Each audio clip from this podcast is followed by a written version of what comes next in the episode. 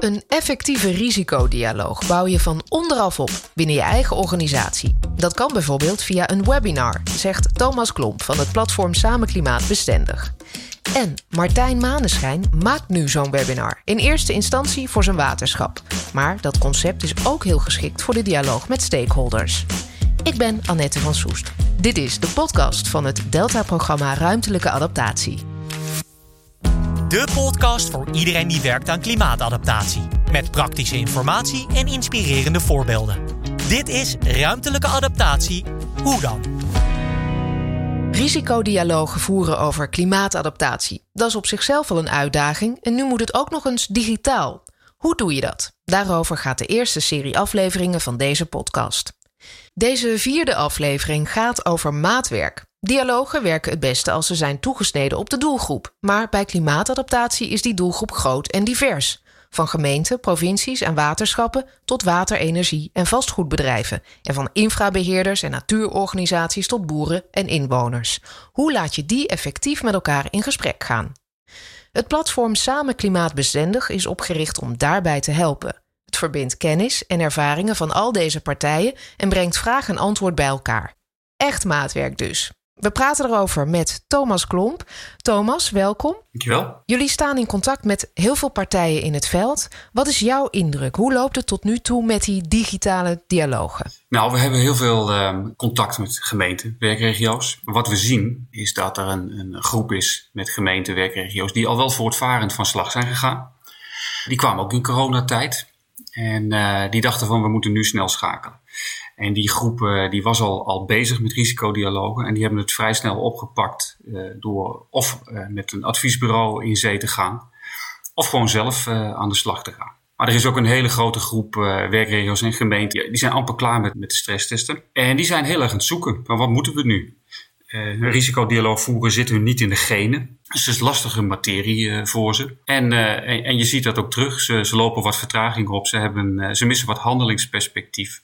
Ja, het is dus al lastig voor die tweede groep om zo'n risicodialoog te voeren. En dan moeten ze ook nog eens de slag naar digitaal maken. Dan moeten ze ook nog eens de slag naar digitaal maken. Ja, ze vinden het sowieso al lastig. Hè? Het is eigenlijk een gesprek over, over dingen die bedreigend zijn. En risico's zijn voor mensen sowieso al een beetje lastig. Maar als je ze vraagt waar, waar ze mee bezig zijn, dan hoor je heel veel dingen die, die je eigenlijk al als een risicodialoog kan, kan bestempelen. Er zijn heel veel projecten in een organisatie die lopen. En als je het daar goed over gaat hebben, uh, interne gesprekken in je organisatie, dan, dan blijkt dat stiekem toch al gewoon een, uh, een risicodialoog te zijn. Kan je daar eens een voorbeeld van geven? Uh, Wat zou jij al kunnen bestempelen als een risicodialoog, terwijl deze groepen dat misschien nog niet zo zien? Nou, ik, ik, ik pak het even heel plat bij bijvoorbeeld de aanleg van een, van een nieuw riool. Als je klimaatadaptatie daar als thema in meeneemt, die straat gaat eruit, er gaat een nieuw riool in. Je, je kan het hebben over de dimensies van het riool. Maar je kan het ook hebben over hoe leggen we die straat daar terug in? En hoe sluiten we die woningen aan uh, op dat riool? Doen we dat wel? Doen we dat niet? Hoe gaan we dat water uh, afvoeren? Dat is een gesprek dat je met alle partijen uh, moet gaan voeren. En dat is in principe ook al gewoon een risicodialoog. En ook dat is al maatwerk eigenlijk, hè? Ja, dat is ook maatwerk. De maatwerk zit verscholen in, in, in alle disciplines van, een, van een gemeente. Uh, het gaat erom dat je die interne haakjes uh, in de organisatie duidelijk voor elkaar hebt. Dan wordt het allemaal veel makkelijker. Is het misschien ook juist in deze periode waarin er veel fysiek werk stil ligt, makkelijker om zo'n dialoog te beginnen? Ja, dat denk ik wel. Deze periode die leent zich bij uitstek om nieuwe verbindenissen aan te gaan. Je hebt, uh, je hebt wat dingen die stil liggen en dat betekent ook ruimte om dingen op te pakken, even te reflecteren. Kleinschalig overleg uh, met, uh, met andere afdelingen bijvoorbeeld kun je, kun je heel goed oppakken. Nou, dan gaat het bijvoorbeeld over, stel je wil een, een, een wadi aanleggen. Wat zijn dan de voor's en de tegens? Hoe, hoe pak je zoiets überhaupt aan? Je moet een groenbeheerder betrekken, je moet een civiel techneut betrekken, een, een ruimtelijke ordenaar. En ook al heb je geen project, je kunt ook even, uh, even net doen alsof om het, uh, om het gesprek even te oefenen. Uh, zodat het goed gaat op het moment dat het zich echt aandient. En dat inventariseren, oefenen, overleggen, dat kan natuurlijk ook prima digitaal. Dat kan hartstikke goed digitaal. Iedereen is de afgelopen maanden denk ik best goed geworden in het zoomen, in het skypen en, en doen ze allemaal maar op. Uh, en ook intern in de organisatie zie je dat dat uh, gesneden koek is. Dus dat kun je heel goed uh, digitaal doen vanuit je huiskamer. Thomas, jij ziet natuurlijk in het land ontzettend veel initiatieven. Kun je er eentje uitlichten? Ja, ik heb bijvoorbeeld in het waterschap waar ik zelf in woon, mijn oude werkgebied, dat is waterschap Drentse Overijssel Delta. daar zijn ze nu bezig met het organiseren van een interne webinar. een webinar over klimaatadaptatie. En dat is een soort van, um, van bewustwordingssessie voor, voor alle mensen die daar bij dat waterschap werken. Het is een heel groot waterschap, de, van, van Assen tot Deventer. Dus daar, daar werken veel mensen, er gebeurt heel veel op heel veel verschillende vlakken. Uh, en dat willen ze gaan, uh, gaan laten zien in dat webinar. Met een aantal filmpjes waarin ze pijlbeheerders interviewen. Peter Glas als Delta-commissaris is uitgenodigd om een filmpje te maken. Heeft hij ook gedaan. Om even te laten zien, dit is er allemaal nodig voor klimaatadaptatie. En dat zorgt voor de, voor de broodnodige interne verbinding op dit thema. Ja, dat is dus echt een voorbeeld van digitaal maatwerk. Denk je dat dat erin blijft en dat het verstandig is om het erin te houden, ook na coronatijd. Ja, ik denk dat het verstandig is. Hè. Maatwerk is natuurlijk um, van alle tijden. Dat was uh, voor corona ook natuurlijk al belangrijk. Maar je ziet dus nu in, in deze periode dat het heel goed is om duidelijk te kijken naar uh, hoe je met, met dingen omgaat. En dat niet elk proces hetzelfde is. Het geeft even de tijd om voor jezelf een, een nieuwe vorm van werken op te bouwen. Uh, waarin maatwerk een heel vanzelfsprekend uh, onderdeel is. Kijk, met digitale werkvormen kun je nu al, al, al, losse gesprekken op gang brengen. En, en, en, die zijn ook een basis voor straks. Dat is, dat is ontzettend belangrijk. Om die dialoog intern nu al op gang te brengen. Ja, je kunt uh, nu alvast aan de slag om het straks wat beter te maken. Je hebt nu een periode uh, waarin er niet zoveel gebeurt. Uh, nou, althans, er gebeurt wel wat, maar je zit op een ander, op een ander tempo. En, en die leemte die kun je heel goed gebruiken om dingen in beeld te brengen. Wie zijn mijn toekomstige gesprekpartners? Wat zijn mijn projecten straks? Als je nu nog moet gaan, gaan bedenken wat er allemaal speelt en wat er leeft bij, je, bij je collega's van, van RO of waterbeheer of groen of riolering dan ben je te laat uh, straks. Dus daar kun je nu al mee aan de slag. Dankjewel. Thomas Klomp van het platform Samen Klimaatbestendig. Er zijn dus allerlei manieren om, juist in deze stille tijd, met een risicodialoog te beginnen. Meer informatie vind je in de show notes. Dan gaan we nu naar het waterschap Drents Overijsselse Delta. Martijn Maneschijn is daar beleidsadviseur klimaatadaptatie. Samen met collega's werkt hij, je hoorde het al van Thomas, aan een webinar over klimaatadaptatie. In eerste instantie bedoeld voor mensen binnen het waterschap. Zij werken aan heel uiteenlopende projecten en weten niet altijd van elkaar wat ze doen. Het webinar helpt ze te begrijpen wat er allemaal komt kijken bij klimaatadaptatie in zo'n groot waterschap. Martijn, hoe ziet dat webinar eruit? Ja, we gaan een webinar organiseren voor onze collega's uh, bij het waterschap. En het gaat eigenlijk om de vraag hoe moeten wij ons als waterschap nu uh, aanpassen aan klimaatverandering. En eigenlijk is het uh, de interne dialoog die we willen voeren wat het voor ons werk betekent. En ja, als waterschap zijn we bezig met watersysteemaanpassingen. Maar ook vanuit de waterketen, waterveiligheid. Ehm, dus het is een heel breed spectrum waarin we ook met klimaatverandering aan de slag moeten. En uh, eigenlijk willen we met deze webinar een start geven voor de interne dialoog. En hoe ga je dat vormgeven? Hoe breng je die dialoog op gang? Ja, nou kijk, eigenlijk zouden we voor de coronacrisis een lunchlezing houden. En dan zouden we eigenlijk in de kantine gaan zitten en mocht iedereen komen.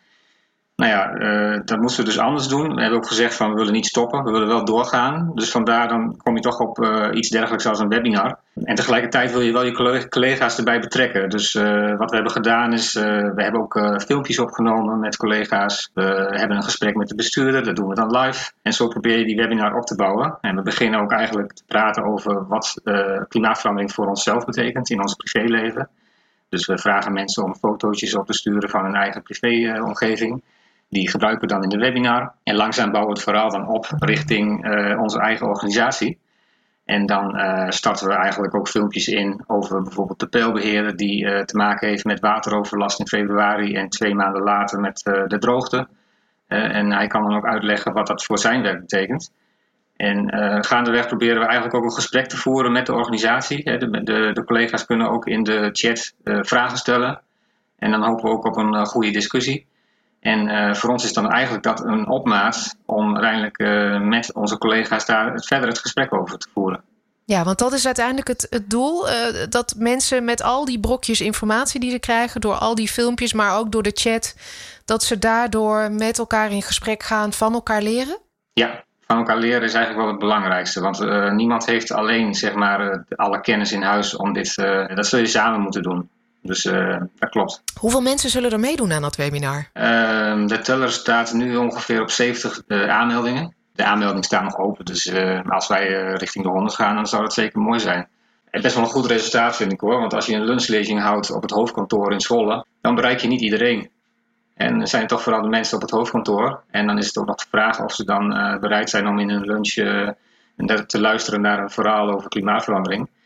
Uh, dus ik verwacht eigenlijk dat het bereik met een webinar nog wel groter is. Ja, en je kunt de inhoud van zo'n webinar makkelijker bewaren. En dus later ook weer delen, want je hebt al al die filmpjes.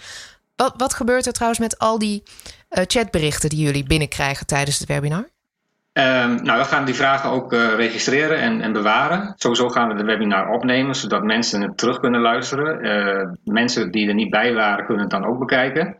Dat doen we natuurlijk wel in onze eigen omgeving uh, binnen het waterschap. Hè. Dus het wordt niet echt een openbaar filmpje.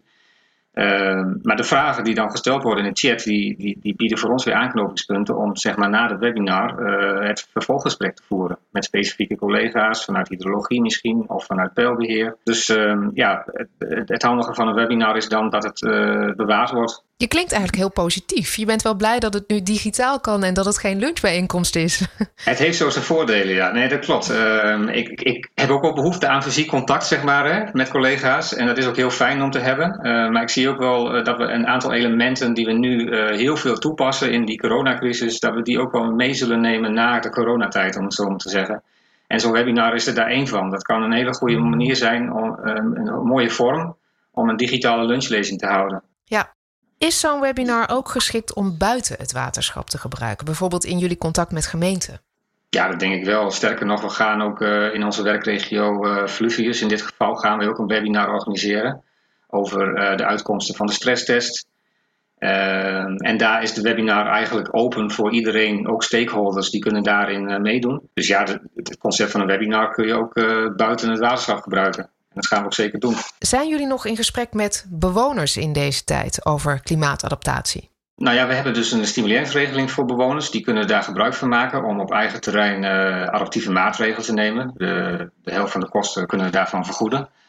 Uh, wat je zag voor coronatijd is dat mensen ons vaak dan bellen daarover. En uh, per mail en telefoon hebben we dan contact. Maar mensen hebben ook behoefte aan de concrete adviezen. Van hoe, hoe moet ik dan een regenpijp afkoppelen en hoe leg ik dan een infiltratiekart aan? Nou ja, wat je ziet is dat in bijvoorbeeld steden als Zwolle en Deventer, daar wordt dat ook opgepakt op lokaal niveau. Vanuit de gemeente worden daar teams opgezet die actief uh, de mensen benaderen om zeg maar, die adviezen te geven. Nou, voor de coronacrisis gebeurde dat natuurlijk fysiek. De mensen gingen de wijk in. Uh, wat je nu ziet is dat bijvoorbeeld in Zwolle worden er demo-sessies gehouden via uh, Microsoft Teams waarin mensen ook kunnen inloggen en ook de voorbeelden horen van de mensen die normaal gesproken dan bij hun langs zouden komen. Uh, en nu kunnen ze dat dus digitaal uh, horen. Het klinkt alsof Waterschap Drents Overijsselse Delta de smaak te pakken heeft als het uh, nou, gaat het over webinars en digitaal ja. aanpassen. Um, nou ja, goed, het is even de knop omzetten. Hè? Dus je moet wel even. Kijk, we kunnen ehm, thuis stilzitten op onze bank en niks doen. Maar daar bereiken we eigenlijk niks mee. En zeker voor, voor het werk waar ik in zit, uh, vanuit beleid natuurlijk. Hè, dus uh, uh, beleidsvoorbereiding, beleidsontwikkeling. Ja, daar kan je natuurlijk, de gesprekken kun je ook op digitale manier voeren. En ook met je collega's in een webinar kan je daar vorm aan geven. Dankjewel Martijn. Digitale middelen, zoals webinars, kunnen dus helpen om binnen organisaties de neuzen één kant op te krijgen. Losse onderdelen, bijvoorbeeld filmpjes, kun je ook inzetten richting verschillende stakeholders. Zeker als je dat combineert met fysieke elementen, levert dat effectief maatwerk op. Dit was de vierde aflevering van Ruimtelijke Adaptatie Hoe dan? De digitale dialogen. Meer weten over de risicodialoog? Kijk dan ook eens naar de routekaart Risicodialoog. Die vind je op ruimtelijkeadaptatie.nl, het kennisportaal van het Delta-programma Ruimtelijke Adaptatie. We zetten alle links ook in de show notes. Dat is de tekst bij de aflevering in je podcast-app. Vergeet niet om je gratis op deze serie te abonneren met de subscribe of abonneerknop. Dan verschijnen nieuwe afleveringen automatisch in je podcast-app. Mijn naam is Annette van Soest. Bedankt voor het luisteren. Deze podcast werd gemaakt door het Delta-programma Ruimtelijke Adaptatie. In samenwerking met Helder en Duidelijk en NAP1 Podcasts.